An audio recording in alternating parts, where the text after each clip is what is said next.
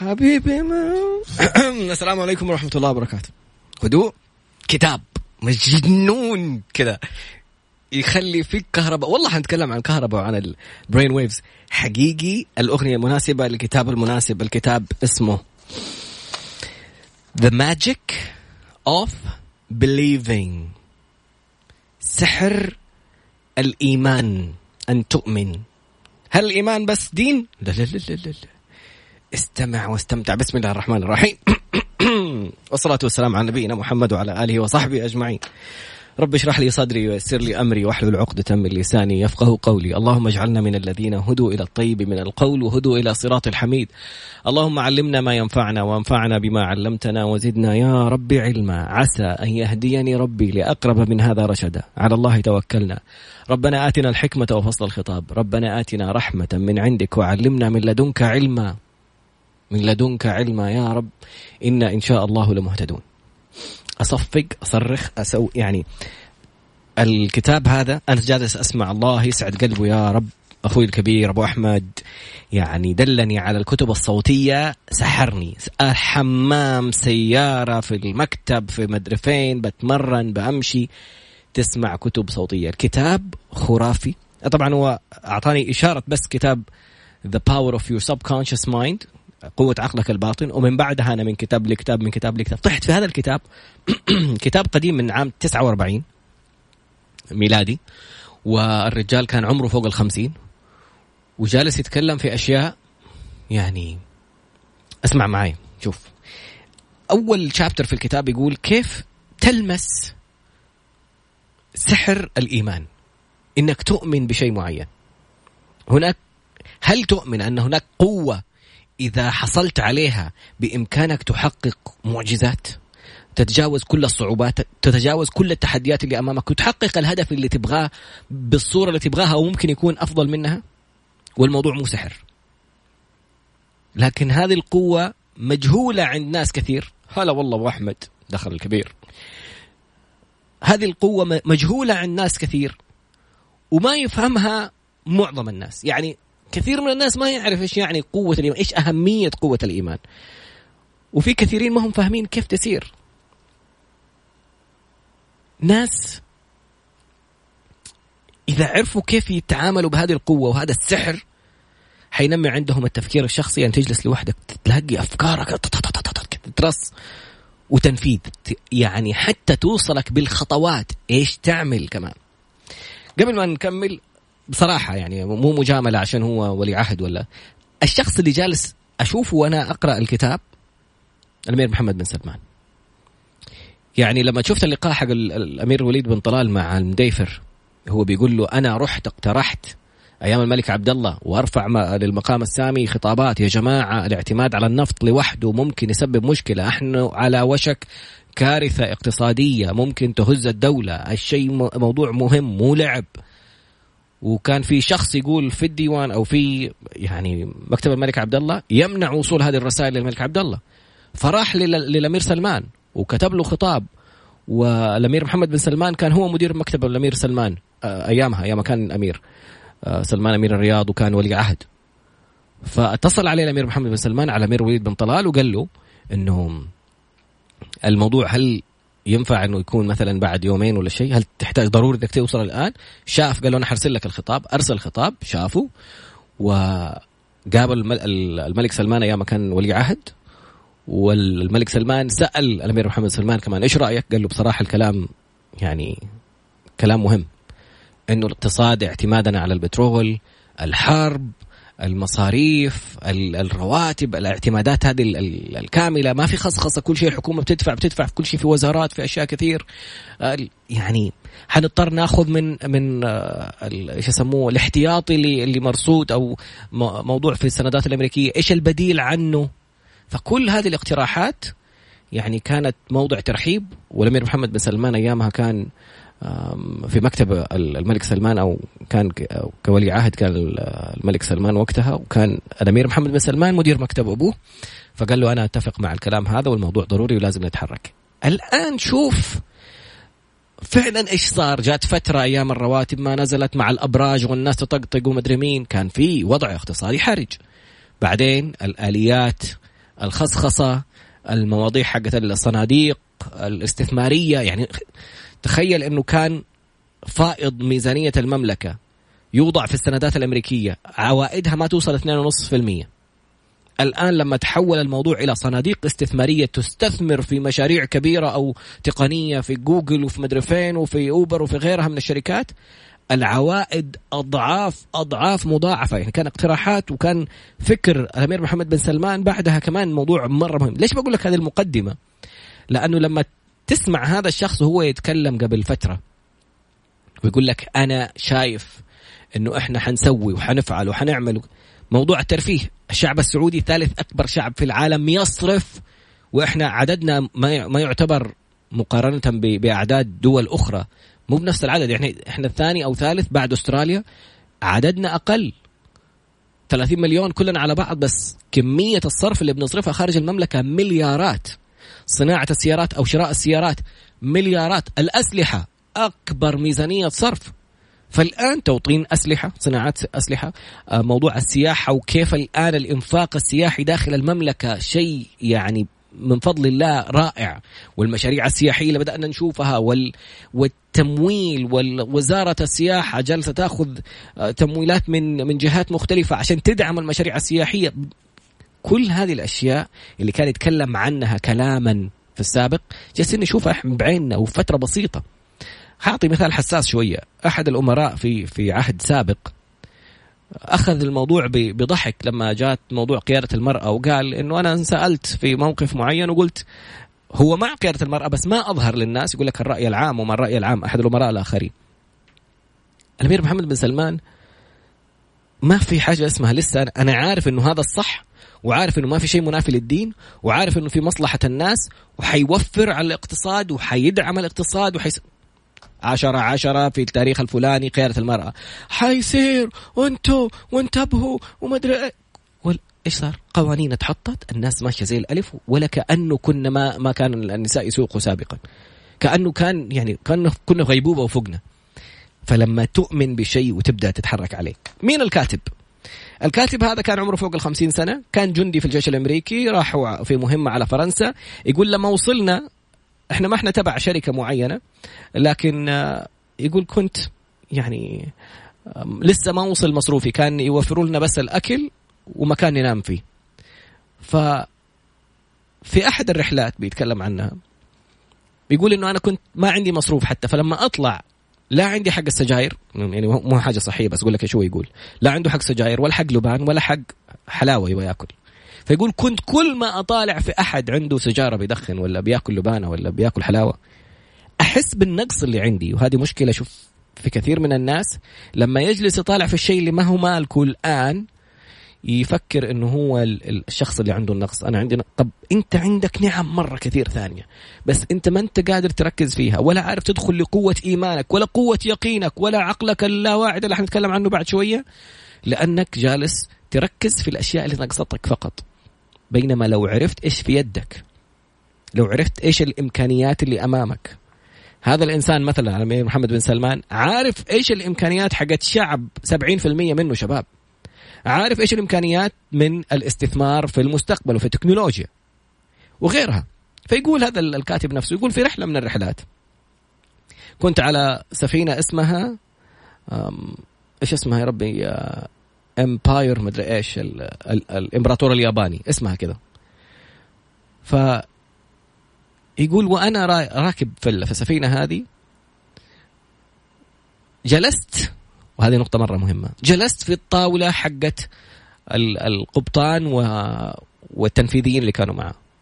فمجرد ما تكلمت مع الإنسان وبنيت يعني بنيت بديت معاه حوار فقال لي أقول لك تعال معي فأخذوا معاه جولة استكشافية في السفينة. فكان الكل لما يشوفوه مع القبطان نفسه يعاملوه كأنه رئيس كأنه واحد من الإدارة حقت السفينة. سفينة كبيرة كروز كبيرة. فيقول وأنا راجع في رحلة من الهونولولو راجع على على أمريكا ماني فاكر فين هذه الجزر عموما. فيقول أنا قلت لنفسي إنه زي ما تعاملت في السفينة الأولى أبغاهم يعاملوني في السفينة الثانية. يقول لما رحت أشتري تذكرة قالوا له باقي آخر تذكرة للكبائن اللي هي الغرف الفخمة يعني ما هي في الغرف العادية. فيقول اشتريت التذكرة هذه. يقول لما طلعنا السفينة النادل اللي هو اللي المضيف القرصون اللي الشخص المسؤول إنه يعلن الأشياء للناس يقول لهم آه تعالوا سجلوا نفسكم في القاعة حقت العشاء عشان الأسماء تتوزع على الطاولات. فيقول عبل ما جيت نص الأسماء راحت وأنا بقول في نفسي إنه أنا ما دام هناك كنت أتعامل كأني رئيس كذا حروح هنا وأقل حاجة أسويها إني أجلس على طاولة القبطان. فلما جلس جاء يبي يسجل اسمه قال له أهلا. أوه فلان. طيب أنت الطاولة A المقعد خمسة. وفعلا طلعت طاولة القبطان. طب هنا الأسئلة اللي لسه ما دخلنا فيها. كيف هو يفكر في فكرة؟ يلاقي شخص آخر جالس يتابع تنفيذ الفكرة كأنه أمره وهو ما تكلم معاه.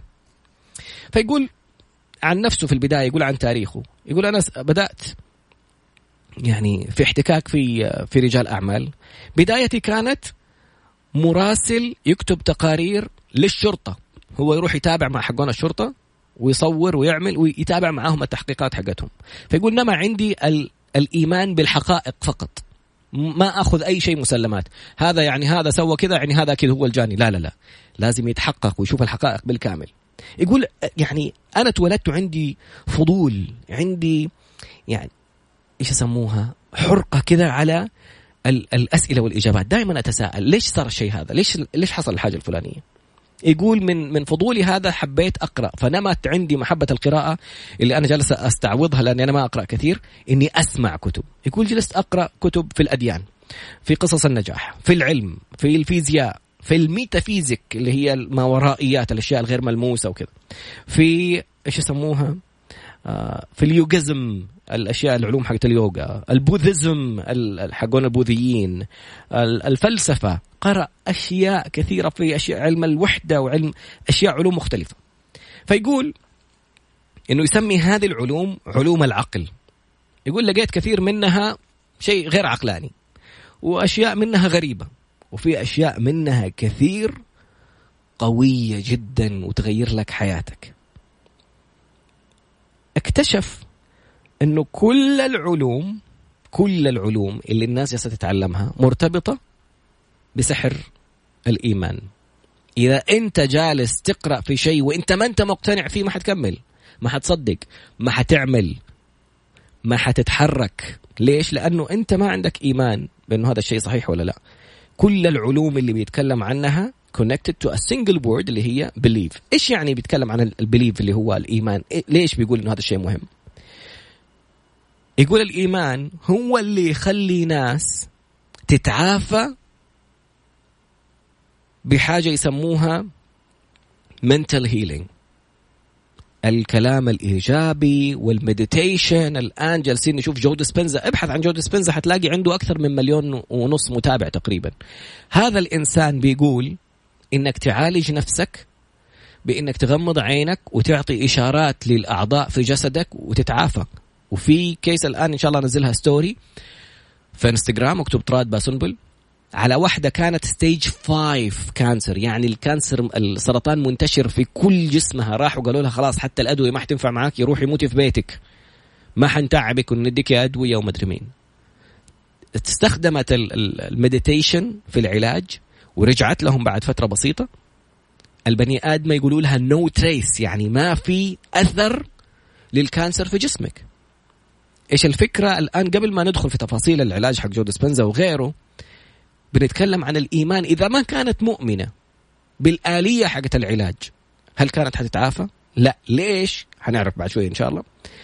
فيقول حتى الناس الناجحين حتى الناس اللي حصلت معاهم نتائج يعني معجزة كيف صار هذا البني آدم كيف سوى الآن الناس كلها تتكلم عن إيلون ماسك ما حق حق باي بال بعد باي بال راح عمل تسلا شركة حق السيارات وعمل SolarCity مدينة المدينة الشمسية والآن عمل SpaceX SpaceX يرسل صواريخ للفضاء.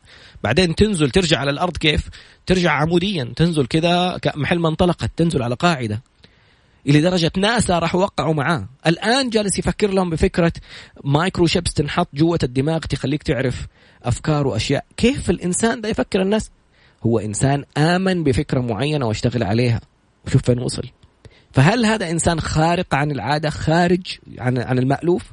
لا هو إنسان عرف كيف يوصل لكنز الإيمان واللاوعي حقه وكيف ممكن يحقق منه. عشان ليس الكلام نظري.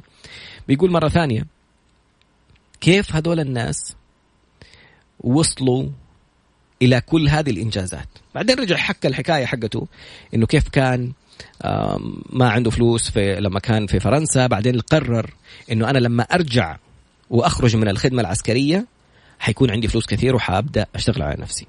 فيقول أول نقطة هي القرار.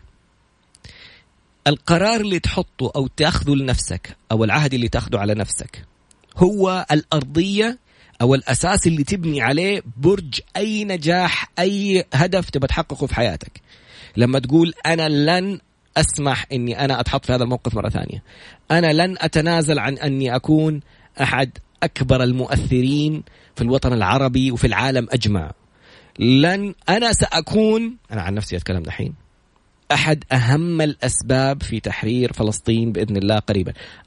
الناس لما تسمع لك حاجة زي هذه ويقول لك من 48 الناس محتلة وأنت جالس تقول لي تحرير فلسطين وشايف الناس بتوقع اتفاقيات وكذا أنت بتقول إيش؟ أنا أقول لك أنا شخصيا أنا طراد عندي يقين إنه في حاجة حسويها وعندي تفاصيلها جالس أشتغل عليها حتكون سبب في تحرير فلسطين. ما حديك تفاصيل الآن مو موضوع الكتاب. نرجع للكتاب. يقول أتكلم عن الفكرة حقت الرحلة اللي قلنا عليها. إيش الدروس اللي نطلع منها في الرحلة هذه يقول الرحلة الأولى اللي تعاملت فيها كأني ضيف شرف بعدين الرحلة الثانية يقول الرحلة الثانية بداية التيكت حقتها وشراء التذكرة كان إحساس إنه روح أشتري التذكرة. عارف لما يجيك إحساس أحيانا قوم من هنا. في فيديو نزله زيد إيش اسمه الراجحي يزيد الراجحي. نزل فيديو على سيارة بترجع ريوس عند محطة كذا يصلحوا سيارة ويغسلوها. وكان في شخص جالس ورا السيارة. والشخص اللي بيرجع السيارة الريوس كذا عشان يوقفها في الموقف كل شوية يعدل يقوم يعدل يقوم يعدل. الشخص اللي جالس عند الجدار فجأة ماسك التليفون وقام من مكانه. راح هذا الشخص اللي جالس يعدل السيارة رجع على ورا إلين صدم الجدار. محل ما كان هذا الشخص جالس. يعني لو كان جالس مكانه كان هرسوا فعصوا قتلوا. لكن سبحان الله هذه يسموها انتويشن يعني كذا إحساس داخلي يقول لك قوم. كم مرة شفت فيديوهات الشخص اللي جاته ذبانة ولا نمل عند الأرض كذا محل ما كان واقف طرف الرصيف وجالس يحرك رجله كذا يبغى يبعد. بعدين بعد عن المكان مجرد ما بعد جات سيارة طايرة وصار حادث وخبطت السيارة في المكان اللي هو كان واقف فيه. وقس على ذلك في فيديوهات كثيرة بتتكلم عن نفس الموقف. الإحساس الداخلي ذا اللي يجيك أحيانا سوي لا تسوي قوم أخرج من هنا. هذه التفاصيل اللي كذا تحس إنها رسالة أنت ما أنت عارف كيف جاتك كيف جاك الإحساس ده عشان تخرج من المكان ده أو تعمل الحاجة الفلانية؟ يقول هذا الإحساس اللي جاني لما روح أشتري التذكرة. يقول مرة ثانية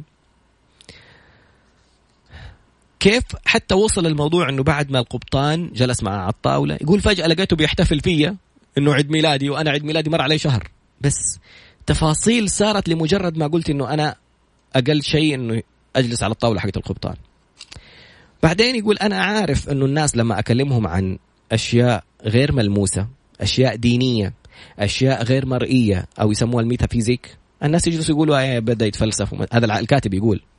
لكن يقول أنا جاي أتكلم لك الآن من منظور علمي وعملي بحت في أشياء فيها نتائج.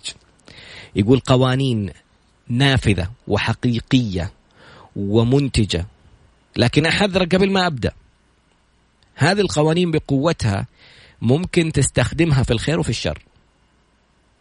فأنت ممكن فعلا تحط في راسك هدف معين وهو سيء. الوصول إلى انسانه بطريقة محرمة. أكل مال حرام إيذاء شخص ما وتوصل إنك تحقق الهدف لأنه أنت سخرت قدرة العقل وإيمانك ويقينك أنك ممكن تسوي الشيء ده بطريقة سلبية. لكن يقول لي يقول لك أحذرك أنه هذا الموضوع في كل الحالات اللي كان فيها أذى كان العواقب وخيمة.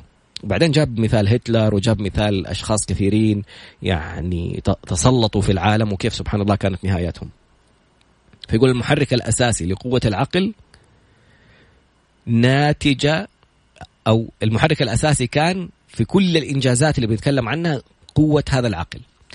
دخل على شابتر الثاني الآن بس كان يعطيك الأساس إنه كيف تلمس إيمانك بال... كيف تلمس يسموه سحر الإيمان. إنه لما أقتنع وأكون على يقين إني قادر أحقق الشيء ده كيف ممكن أوصل؟ بعدين ال chapter الثاني رهيب يقول لك the power of thought قوة الفكرة. هنا أنت اللي بتزرع إيش في عقلك؟ البداية في كل شيء فكرة. بعد قليل إن شاء الله نتابع. عودة إلى الكتاب الرائع اسمه The Magic of Believing سحر الإيمان. كيف لما تؤمن بشيء أنه ممكن يتحقق؟ وصلنا ل chapter 2 أو الجزء الثاني في الكتاب يقول The Power of Thought قوة الفكرة. يقول طالع حولك في أي مكان أنت فيه. انظر حولك إذا كنت في غرفة مفروشة. أنا الآن جالس في الاستوديو حق Mix FM شاشة فيها حق الصوت وفيها ساعة وفيها شاشتين واحدة حقت الأغاني واحدة حقت الإعلانات والفواصل وشاشة للواتساب. سماعات مايكات خلفيات إضاءات سقف بألمنيوم خلفيته قزاز ليه جالس أحكيك هذا الموقف كله؟ يقول لك كل شيء حولك. الحقائق الملموسة اللي أنت شايفها الآن حولك هي كانت فكرة عند أشخاص. يعني في interior designer في مصمم في نجار في أحد رسم الفكرة فكر بالتليفون فكر في أجهزة الإرسال هذه وبدأ يشتغل عليها وحولها. هذه الفكرة يعني يقول سميها ما شئت شوف أي حاجة الآن. ارجع لقريش وقول لهم سنصنع أنبوبا من الحديد يركب به أربعمائة رجل يحلقون في السماء ويصلون إلى الشام في أربع ساعات. أجن أنت يا ابن أبي حلسة كيف يطيرون في السماء؟ ليش؟ في أشياء سابقة للناس يقول لك مستحيل. أتذكر الشيخ عبد الله بوكشان لما راح شركة اي تي ان تي في أمريكا وقالوا له آه، كل إنسان حيكون عنده جهاز جوال خلاص بنفسه لحاله. قال لهم كيف طيب؟ يعني كيف يتصلوا على بعض؟ يعني التليفون الثابت كل واحد عنده تليفون عارفين مين هو. كيف أنا يجيني اتصال وأنا معايا جهاز ورقم التليفون؟ كيف يعني حيتصلوا عليه؟ الناس ما هي مستوعبة بس هي كانت فكرة. والفكرة بدأت تتطور. الطيارات. السيارات الصواريخ القزاز الشبابيك البناء المسلح بعد بدل ما كان من الطين البناء 3 دي الآن. كل هذه أفكار كل الإنجازات والمناصب جاءت من يسموه تفكير إبداعي. فكرة مختلفة. فكرة الثراء النجاح الابتكارات كلها كانت أفكار في عقول أصحابها. بيل جيتس لما شاف شركة كمبيوتر عندهم أجهزة وكانوا بيسووا software وراح قال لهم أنا وأصحابي تعلمنا برمجة نبغى نسوي. قال لهم اسمعوا أنتم صغار أنتم كبار. كانوا في الثانوية. يقول لهم اللي حيجيب لنا البرنامج أول هو اللي حنوقع معاه وراح جمع هو واصحابه وسووا البرنامج وراحوا واعطوه للشركة. ولما جو يسووا النسخة الجديدة منه قالوا له ما حنعطيكم إياه الحقوق لكم أنتم نعطيكم إنكم تشتروا مننا كل نسخة. وهم الشركة نفسها بالأصح هي اللي قالت لهم بدي الطريقة. فتخيل هذا الإنسان بدأ الموضوع من فكرة. الفكرة إما تبنيك أو تهدمك. سبحان الله وأنا أسمع الكلمة هذه جات في بالي الآية ذلك ظنكم الذي ظننتم بالله أرداكم. إيش تفكر في ربنا؟ ما ظنكم برب العالمين. أنت مؤمن بالقرآن؟ عارف يعني إيش صخرة تتحول إلى ناقة في قوم صالح وحامل وتخلف؟ عارف يعني إيش موسى عليه السلام يضرب بعصاه البحر فينفلق كالطود العظيم. يعني فلقين كل واحدة كأنه جبل أنت بتمشي في أرض يبسة ناشفة الارضيه ما هي مطينة حتى. عارف يعني وفي آيات موجودة. عارف سيدنا نوح إنه كيف الأرض تفجرت عيونا والكره الأرضية غرقت؟ ولقيوا الآن أحافير موجودة في جبال. أحافير سمك أشياء سمكية موجودة في الجبال إنه الموية وصلت إلى القمم الجبال تغطت الدنيا. وسفينة نوح موجودة الآن وربنا قال في القرآن أنه تركها آية موجودة في فوق جبل إيش يسموه؟ فاستوت على الجودي. فوق جبل الجودي موجودة. وإن شاء الله فكرة من الأفكار أنه نروح ناخذ جزء عينة من الخشب عشان نحلل كم عمرها وفين كانت وكيف صارت وإيش مين كان فوقها مين كان جوتها. إن بعض الظن إثم. الفكرة هي الفكرة زي ما قلنا تبنيك أو تهدك في أحد المناسبات أو الدورات التدريبية. المدرب قال لي طراد أطلع برا لأنه أنت أكثر واحد ممكن يشكك في موضوع زي هذا فأبغاك أنت تصير فيك التجربة. قال لي أطلع طلعت برا رجعت. قال لي هيا ارفع يدك كذا إذا أنت بتتابعني في إنستغرام عشان تشوف الشرح حقه. قال لي ارفع يدك حطيت يدي كذا قال لي أنا ححاول أضغط على يدك أنزلها. حاول تشد يدك عشان ما أنزل لك إياها. فقلت له okay. فمرة تنزل ومرة ما تنزل. هو بيحاول بيعطي نفس الضغط بس أنا ماني منتبه ماني فاهم إيش بيصير. مرة يدي تنزل مرة لا. مرة يدي تنزل مرة لا. هو أنا شايفه بيسوي ورايا حركات للناس اللي قدامي فماني عارف إيش بيسوي. بعدين جاء قدامي وقال لي لما أقول لك واحد فكر فيهم ايجابيا إنهم ناس مهتمين بالثقافة والعلم. لما أقول لك اثنين فكر فيهم سلبيا.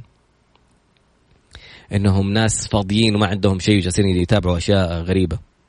فواحد يدي ثابتة اثنين يدي تنزل. واحد يدي ثابتة اثنين يدي تنزل. بعدين قال لهم عارفين إيش صار؟ طلع هو أول بيأشر لهم فكروا افتراض إنه إنسان كويس ومثقف وبيداخل مداخلات جميلة. وبعدين فكروا في افتراض إنه هو إنسان فيلسوف وجالس يقاطع المدرب وكذا. فالفكرة الإيجابية منهم كانت تقويني أنا. ما حسيت قبل كذا في أشخاص لما تكون جنبهم كذا حاس نفسك منتعش ومبسوط وكذا ويا أخي يا أخي بس يدخل بني آدم ذا في شيء عجيب بيصير. وفي ناس سبحان الله بس يدخل مكان تحس نفسك اتكهربت كذا وما أنت طايق تجلس في المكان. إيش فكر هذا الإنسان؟ كيف بيأثر عليك؟ إيش نظرته لك؟ وأنت إيش نظرتك للناس؟ لما طلع كان بيقول لي فكر فيهم ايجابا. أنت أول واحد تفكيرك ورأيك في الناس وظنك في الناس يا يبنيك يا يهدك. كله فكرة هو البداية.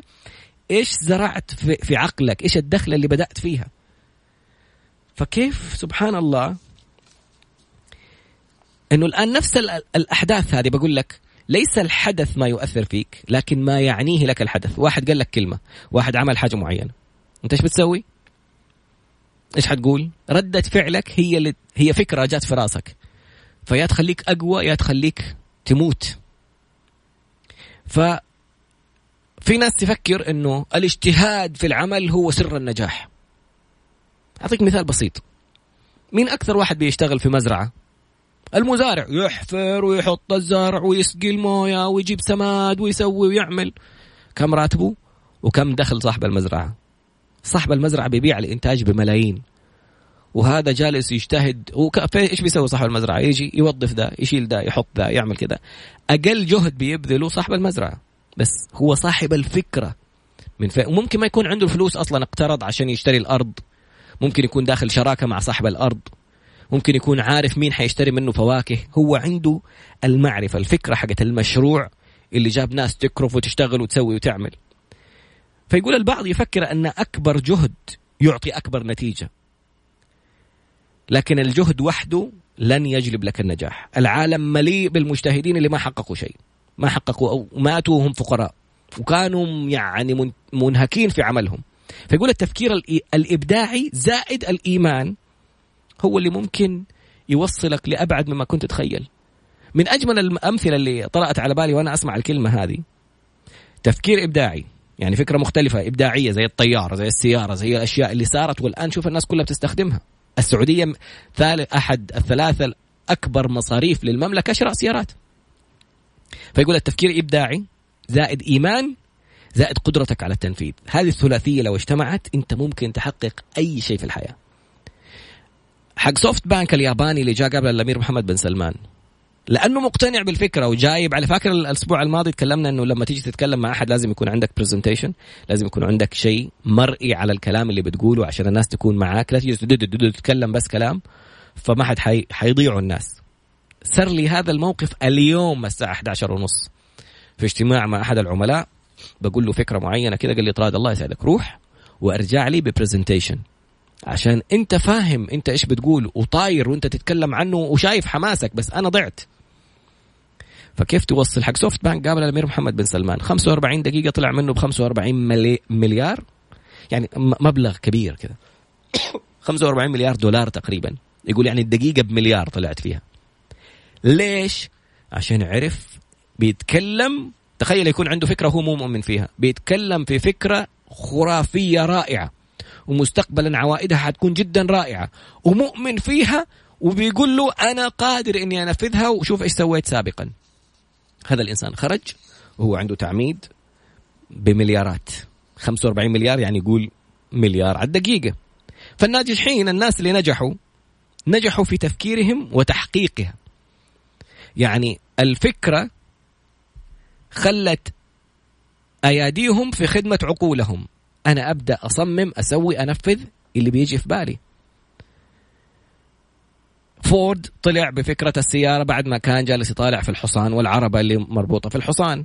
طب لو شلنا الحصان وحطينا مواطير ونقدر نصنع منها كثير إيش ممكن أسوي؟ شوف فين وصلنا. فراري لامبرجيني أشياء خرافية. الأخوان رايت كيف طلع فكرة الطيارة كيف إنه الموتور نفسه اللي موجود على السيارة لو اتحط له أجنحة كيف ممكن نطير؟ شوف فين وصلنا. طيارات حربية طيارات فاخر طيارات في طيارات الآن يبغوا يخترعوها إنها تخترق المجال الجوي عشان تطير في الفضاء وتنزل مرة ثانية توصل أسرع. شوف إيلون ماسك اللي تكلمنا عنه في البداية. PayPal سيارات تسلا ال SolarCity SpaceX وتكلمنا عنها. الأمير محمد بن سلمان يقول إحنا بلد الحالمين. الآن تعال تبغى عندك أفكار رائعة وممكن تنجح. أنت مؤمن فيها؟ تعال سوي لي إياها فيديو وتعال هنا بلدك. هنا المكان اللي جالس يستقطب أفكار عالمية. جزر صناديق الاستثمار لقائه بالأمير الوليد بن طلال ما قبل الموضوع الترفيه السياحة. في فكرة رائعة الآن إن شاء الله نقدمها للسياحة إنه كيف عشان المملكة ما فيها كحول فممكن نكون أكبر مركز تعافي من الإدمان على الكحول في العالم. تعالوا ابها إذا تبغى براد تعال نيوم إذا تبغى جزر وتبغى بحر في كل الأماكن هذه ما ما تخدم مواضيع الكحول يعني ما في أنت ما حتلاقي أصلا عشان تقول أروح أخرج أبطل أخاف. الأمير الشيخ محمد بن راشد لما يشوفوا التغيرات اللي صارت في سطح الكرة الأرضية من التغييرات اللي صارت في الكرة الأرضية الجزر اللي بناها أتبنت جزر بناها إنسان. الآن طلعوا مركب للمريخ. في 2024 طالعين القمر. فيعني كل هذه أمثلة على أشخاص كانت عندهم فكرة الجزر كانت فكرة البرج خليفة أعلى شاهقة على وجه الأرض فكرة. كل الأشياء هذه أفكار كيف تحولت إلى أشياء ناجحة. فيقول الفكرة لما تتعاون أو تضاف إليها نية كذا إنه أنا أبغى أوصل حتيجي معاها طاقة. تحس إنه كذا في شيء جوتك يقول لك أبغى أسوي الشيء الفلاني أبغى أحقق كذا أنا لازم أقول كذا إيش؟ فالباقي فين؟ إيش النجاح بالنسبة لك؟ شهرة؟ علم؟ فلوس؟ منصب؟ كل إنسان له تعريفه الخاص بالنجاح. إيش ما كان تعريفك؟ اذا إذا هذه الرغبة اللي صارت عندك أو هذه الفكرة صارت عندك كذا حرقة حقت رغبة مشتعلة كثير من الناس يشوفها صعبة. ترى ابدا ما هي بالصعوبة اللي أنت تتخيلها. كثير مننا يحلم ويشوف الفكرة ويبدأ يتحمس ويدخل في خيال وتفاصيل ويوصل فيها. بعدين يوقف. ليش؟ هنعرف ليش ما دخل. إيش الخطوة الأولى اللي ممكن أعملها؟ ليش ليش بيوقفوا؟ عشان ناقصهم إيمان. ما أنت مصدق إنك أنت ممكن تحقق الفترة دي. اذا إذا عرفت تاخذ الخطوة الأولى ما حتتخيل إيش ممكن تكون النتائج يقول الخطوة الأولى فيها إيش تبغى بالتحديد أغلب الناس والله قال مثال رائع يقول فكرة إنك تكون ناجح وحدها لا تكفي، أبغى أكون غني، أبغى أكون في المنصب الفلاني، أبغى أكون في في المعلومات الفلانية، أبغى أكون مشهور. غني يعني كم في حسابك. هي حاجتين. destination و road map. أديك مثال خارجي. لو أحد جاء قال لك والله تعال إحنا في المكان الفلاني جلس يوصف لك كلام على المكان. okay حلو. لما يصور لك المكان شوف شوف البحر شوف الموية شوف الرملة. wow تبدأ. هنا أنت الصورة واضحة أنا أبغى أروح في المكان الفلاني معاهم. شوف كيف المكان. الموضوع مختلف عن وصف الناس. طيب تبغى تروح الآن؟ بس إذا أنت ما أنت عارف الطريق وكم حيكلف وإيش حسوي من فين حأمشي؟ إيش حتسوي بعد ما يوروك الصورة؟ تصير الصورة واضحة ال destination هذا المكان اللي أنت رايحه. إيش تبغى؟ أرسل لي location أرسل لي location أو تدخل أنت تدور المكان الفلاني. فين ال location حقه؟ عشان تعرف ال road map إذا شفت انه ال road map واضح معاك آه اركب سيارتك دق سلف وامشي. طول ما انت ما أنت عارف توصل. فأنت يعني عفوا ما ما حتتشجع تروح. صورة مرة حلوة يا أخي بس الله هذا كم تبغى لهم؟ إذا ما في التفاصيل حقت الرسوم المكان السيارة الأجرة أجرة الطريق بنزينك أشياءك عندك الخطة واضحة؟ الطريق واضح؟ يا شيخ حتنط. اسمعوا أنا الآن جاي استنوني لا حد يتعشى لا حد يسوي لا حد يعمل. فإذا كان النجاح رقم بالنسبة لك كم تبغى بالضبط؟ قول الرقم الفلاني.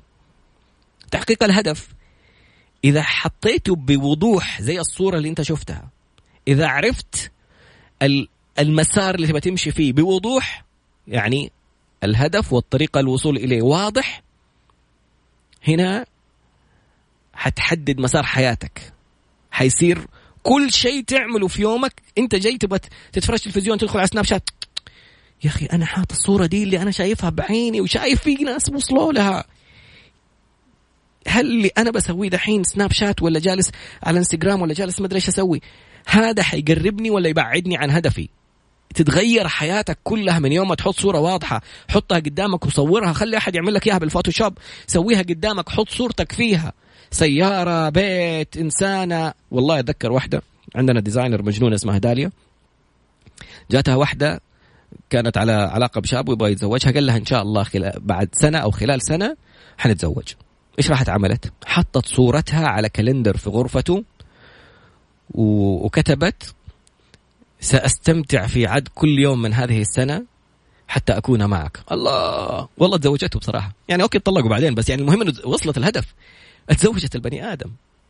يعني لا أزال أتذكر تفاصيل ال design حق ال calendar اللي حطت له في غرفته. الصورة قدامه خلاص هي دي. أنا يومي بصحى أنام أقوم أشوف البني آدم أشوف الهدف ده. فايش الهدف عند البيت بأي مهل مهمة مكالمة فكرة تقربني ولا تبعدني عن هدفي كل ما كان قدامك الهدف كل ما كنت منجذب وطاقتك عالية وعندك يقين يزيد يقينك إنك تشوف يقول الغريب انه لو جينا للناس وقلنا لهم إيش تبغى في حياتك؟ إيش هدفك من الحياة؟ يقول واحد من مية فقط عندهم إجابة واضحة على الهدف اللي يبغوا يوصلوا له. واحد في المية فقط اللي عندهم خطوات واضحة للوصول لهذا الهدف. ولهذا واحد في المية فقط من تعداد الكرة الأرضية هم الناس الأغنياء وفاحشي الثراء والناس اللي محققين نجاحات عالية. الأربعة في المية الباقيين هم ناس مؤمنين مستقبلهم وظيفيا. ما هم الناس هذول اللي فاحشي الثراء والناجحين؟ ليش؟ هاد وشوف يعني تقول لي مثلا مثلا خلينا نتكلم على أسماء حقيقية موجودة في البلد. الشيخ أحمد فتيحي مثلا.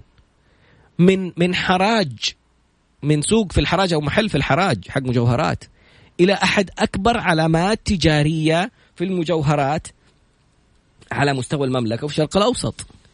يعني اسم تكون كيف كيف حصل؟ في فيديوهات نزلتها يعني هم منتجين عندهم فيديوهات رائعة عن القصة كيف صارت.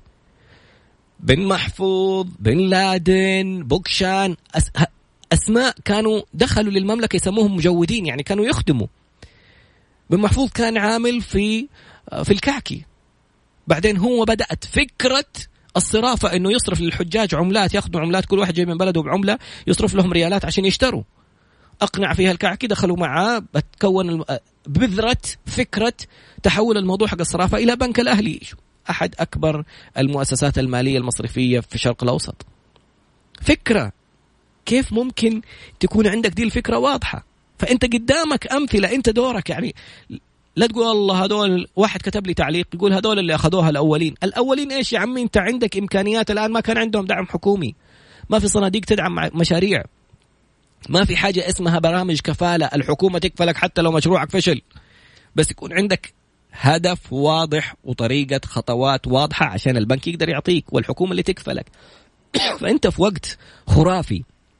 الكثير يحلموا إنهم ينجحوا يبغوا ينجحوا لكن ما دون ذلك كل الصور غير واضحة بالنسبة لهم. كل يوم بيمر هم كل يوم تأجل فكرة أنت جالس تسلب نفسك حتى إيمانك بهذه الفكرة وإنك تحققها. الظروف إما تسيرك وإما تسيرها. شوف في ناس تسيرهم الظروف. أصحاب الاهداف يسخروا الظروف. صارت مشكلة صار مدري مين صار دعم. لمشاريع معينة يتجهوا للمشروع اللي فيه دعم. الآن أكبر الشركات جالسة تستثمر في المشاريع المتوافقة مع الرؤية. ليه؟ غيروا توجههم حتى استراتيجيا. ليه؟ هنا ميزانية الدولة جالسة تنحط في التعليم في ترفيه في كيف أنا أبدأ أتواكب؟ يقول لك اجلس مع الناس اللي عندهم فلوس واجلس في الأماكن اللي ينصرف فيها فلوس. كثير من الشباب بدأوا event management companies سووا آه، آه، مؤسسات حق تنظيم فعاليات. ليش؟ لما كانت الفعاليات في كل مكان في المملكة. ودعم حكومي لها يوصل لنص قيمة الايفنت أحيانا. من الهيئة الترفيه. وغيرها أشياء جدا كثير. شوف النبي عليه الصلاة والسلام لما يحط الصورة. طبعا النبي التعامل معاه مختلف لكن شوف الصخرة الكبيرة اللي واجهت الصحابة وقت ما كانوا يحفروا الخندق. وكيف النبي عليه الصلاة والسلام وهو يضرب الضربة الأولى فيها. بيقول الله أكبر أعطيت مفاتيح الشام. الله أكبر أعطيت مفاتيح فارس. الله أكبر أعطيت مفاتيح اليمن. ويعطي التفصيل. شوف الهدف الديستنيشن فين المكان؟ ويعطي التفاصيل. وإني لا أرى القصر الأبيض حق في فارس. وأرى قصور الحمراء حقت الشام. أرى أبواب اليمن أبواب صنعاء. كذا بيعطي بالتفصيل. طب هذا يقول مثلا كان ربنا بيوريه حاجة. طب كيف تزرع فكرتك هذه وإيمانك فيها في قلوب الناس اللي حولك؟ لما سراقة كان يقتص الأثر لما قريش حطت مئة ناقة لمن يأتي بمحمد حيا أو ميتا عليه الصلاة والسلام. صلى على النبي يسار فلما جاء سراقة مقتص الأثر يجري وراء النبي عليه الصلاة والسلام وسيدنا أبو بكر ووصل شافه فصارت معجزة انغرزت رجلين الفرس في التراب. ففي شيء مختلف يعني في انت ما حتقدر توصل الإنسان ده ربي حاميه. هو بيعمل بالأسباب راح جنوبا اتجه شمالا اتخبى في في في الغار. بيعمل بالأسباب. لكن ما حد حيوصل حيوصل المدينة هنا مكتوب في الكتب السماوية الماضية إنه سيأتي نبي آخر الزمان بين الحرتين. عشان كذا اليهود جوع المدينة. فأنت ما حتقدر تسوي. رجع مرة ثانية يبغى يلحق ورا النبي عليه الصلاة والسلام. قال له ما بالك وسواري كسرى بين يديك. وهذا اللي تحقق. لما زرع الرؤية في في في عقل هذا الإنسان الصحابي. رجع وقابلوه قريش يعرفوه سراقة مختص الاثر قال لهم ما, ما هو موجود هنا محمد. صدقوا ورجعوا. وصل النبي عليه الصلاة والسلام. وفي عهد سيدنا عمر بن الخطاب فتحت فارس وجو باساور كسرى وأعطوها لسراقة. حقق وعد النبي عليه الصلاة والسلام. فكيف أنت يعني كيف بتستثمر فراغك؟ أنت عشان توصل إنك تحقق شيء لازم تخصص له وقت تجلس تفكر فيه. حنعرف كيف ندخل اللاوعي أنا عارف إنه حينتهي البرنامج وأنا ما خلصت الكتاب. كتاب خرافة بصراحة رائع جدا. ح... إن شاء الله حنزل الرابط في تغريدة. اكتب برضو تراد باسنبل في تويتر. حنزل لك التغريدة فيها رابط الكتاب باللغة الإنجليزية. عاد الله يعينك إذا شفت لك أحد يترجم لك ولا شيء. وظبط لغتك الإنجليزية. فالنبي عليه الصلاة والسلام يقول الصحة والفراغ نعمتان مغبون عليهما المؤمن. يعني إذا أنت تعبان كل تفكيرك كيف اتعافى إيش حسوي عشان أتعالج. بس إذا أنت بصحتك وعندك وقت فراغ. إيش بنسوي إحنا لما نلاقي وقت فراغ؟ الناس بيقول لك تعال نقتل الفراغ. تعال نضيع وقت. تعال طفشان نروح ما أدري إيش نسوي. طب فكر. فكر في شيء تبغى توصله. لأنك لو بدأت تتساءل في خطوات ما أعرف إذا حنلحق نقولها ولا لا هنا فرصتك في إنك تدخل اللاواعي حقك. حنعرف بعدين إيش إيش اللاواعي. في ناس بيهربوا من نفسهم عشان ما في هدف. ما يبغى يقول أنا إنسان ما عندي هدف وإنسان فاضي وما عندي شيء أسويه.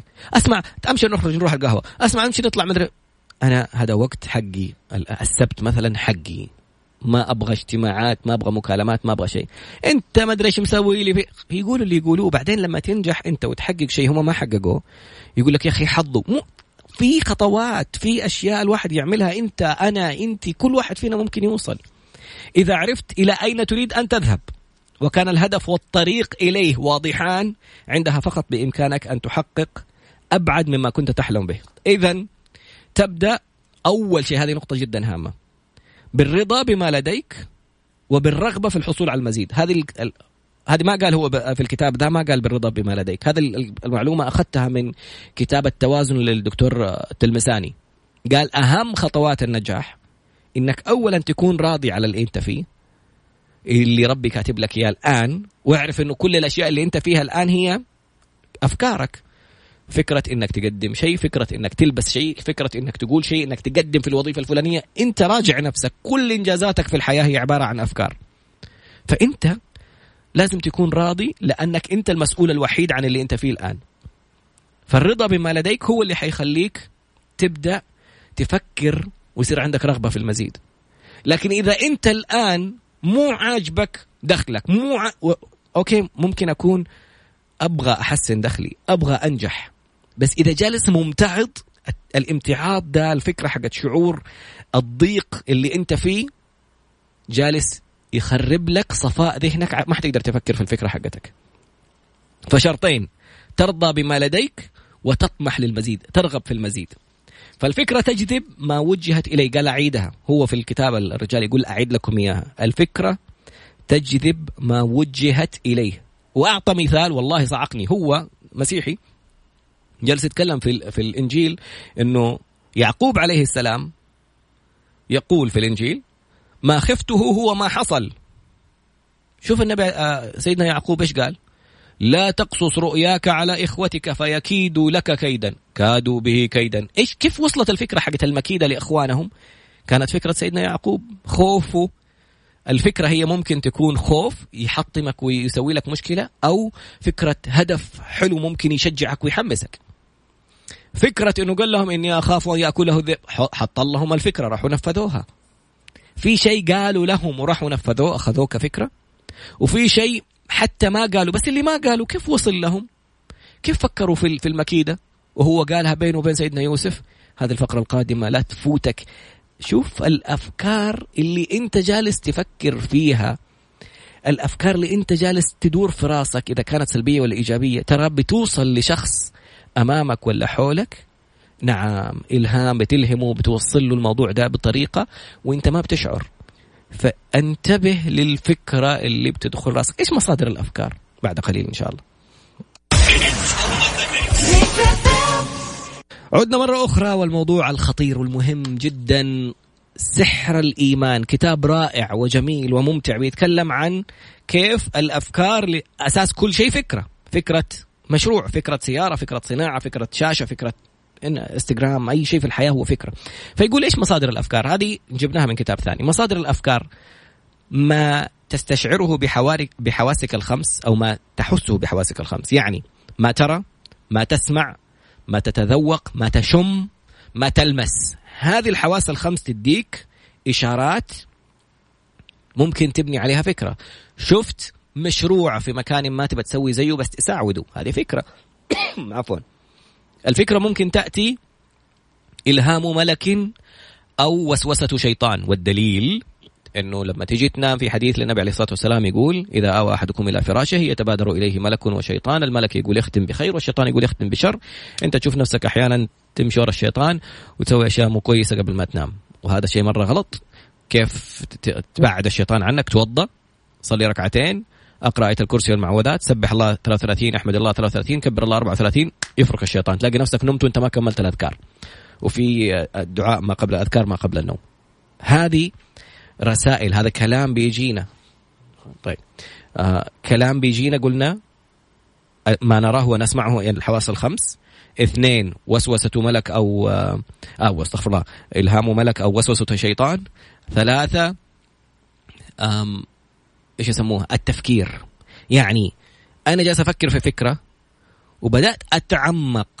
تعمقك في الأفكار ممكن يخليك توصل لتفاصيل ثانية يعني يجيب لك فكرة جديدة. من فكرة لفكرة أبعد. يعني إحنا مثلا بدأنا مشروع مع أحد الجهات. الآن هم وصلوا فكرة مختلفة أحسن من الفكرة اللي بدأناها معاهم. فصارت إيش إيش ممكن نسوي معاهم؟ نجيب لهم فكرة ثالثة. الأفكار تتولد بعد التعمق لما تجي تفكر في حاجة وتتواصل فيها. إيش النقطة المهمة؟ هنا بيقول حاجة علمية يقول. بس عشان نوضح. إيش قوة الأفكار؟ كيف توصل؟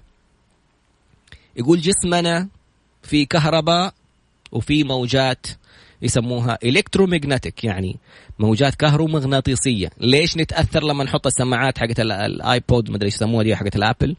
عشان فيها مغناطيس. طب ليش يعورنا المغناطيس ونصدع ونسوي لنا مشاكل؟ لأنه أنت أصلا في مجال كهرومغناطيسي في جسمك. كيف لما تمشي برجولك على بساط ولا في حاجة كذا بعدين تلمس أحد تلسع وكذا يطرطع؟ في كهرباء. كم مرة يقول لك في كهرباء الدماغ حق فلان عنده مشكلة في كهرباء الدماغ؟ أنا كيف كيف هي كهرباء كيف جوتي كهرباء؟ فيك أنت فيك مجال كهرومغناطيسي. هذا المجال الفكرة تأثر فيه. كيف في أشياء لا إرادية في جسمك؟ كيف في ناس جالسين يسموا الشيء ده الروح. هي الروح اللي فيها طاقة كهرومغناطيسية. في ناس يسموها العقل اللاواعي. في نا... يعني والله الوقت حيخلص. والله الكتاب خرافة رائع. دخلوا؟ خلاص أخبار؟ أقول لك حاجة. حكمل لك في بث آخر على الإنستغرام عشان بكرة خلاص عندنا قصة نجاح. حكمل لك الباقي حق الكتاب لأنه أنا مبسوط إني جالس أتكلم فيه. ليش؟ لأنه لما لخصته وبدأت أكتب اتحمست أكثر لكل شيء جالس أسويه. وعارف إنه أنت ممكن تحقق أشياء أنت ما كنت تتخيلها لو عرفت الخطوات اللي جالس تتكلم عنها. إيش دخل الكهرباء والموجات الكهرومغناطيسية اللي نتكلم عنها؟ كيف أثرها عليك في حياتك؟ كيف داخل جسدك طاقة تتأثر بالفكرة؟ حاعطيك بس مثال بسيط نختم فيه في الدقيقة الأخيرة. غمض عينك وفكر في موقف جدا صعب كان مؤلم بالنسبة لك. إيش حيصير معك؟ ترى لا شعوريا حتلاقي نبضات قلبك تغيرت وانقبضت كده ومتضايق وحواجبك دخلوا في بعض. إيش صار؟ أنت ما أنت في الموقف. أنت بس تذكرت الموقف يعني حطيت فكرة في راسك. غيرت نبضاتك غيرت كل شيء في حياتك. فكر في موقف جميل. والله جاء في بالي موقف رحت لأختي في الرضاعة أسوي لها مفاجأة في أورلاندو. المواقف اللي فيها مشاعر. الحين لو بس أنا جالس بس بفتكر لك عنوان الموضوع ابتسمت. كيف كنت أقول أنا شايفك في الاقمار الصناعية وكيف مدري إيه وكيف بعدين لما شفتها فجأة قدامي. وكيف كانت تنطنط من الفرح مجرد إحساسك إنك تتذكر ذا المشهد؟ شوف الابتسامة. فلك أن تتخيل الفكرة إيش ممكن تعمل فيك؟ الفكرة تبنيك أو تهدك. إيمانك بيها يحركك. الكتاب رائع. نوعدكم فيه بث ثاني إن شاء الله نكمل باقي الكتاب. انتهت الحلقة. سبحانك اللهم وبحمدك أشهد أن لا إله إلا أنت أستغفرك وأتوب إليك. إن شاء الله بكرة قصة نجاح ملهمة للدكتور عبد الهادي العمودي استشاري العظام في الملك فهد بإذن الله. لو طلع عنده عملية زي الأسبوع اللي فات حكمل لك الكتاب ونغير جدول البرنامج السلام عليكم.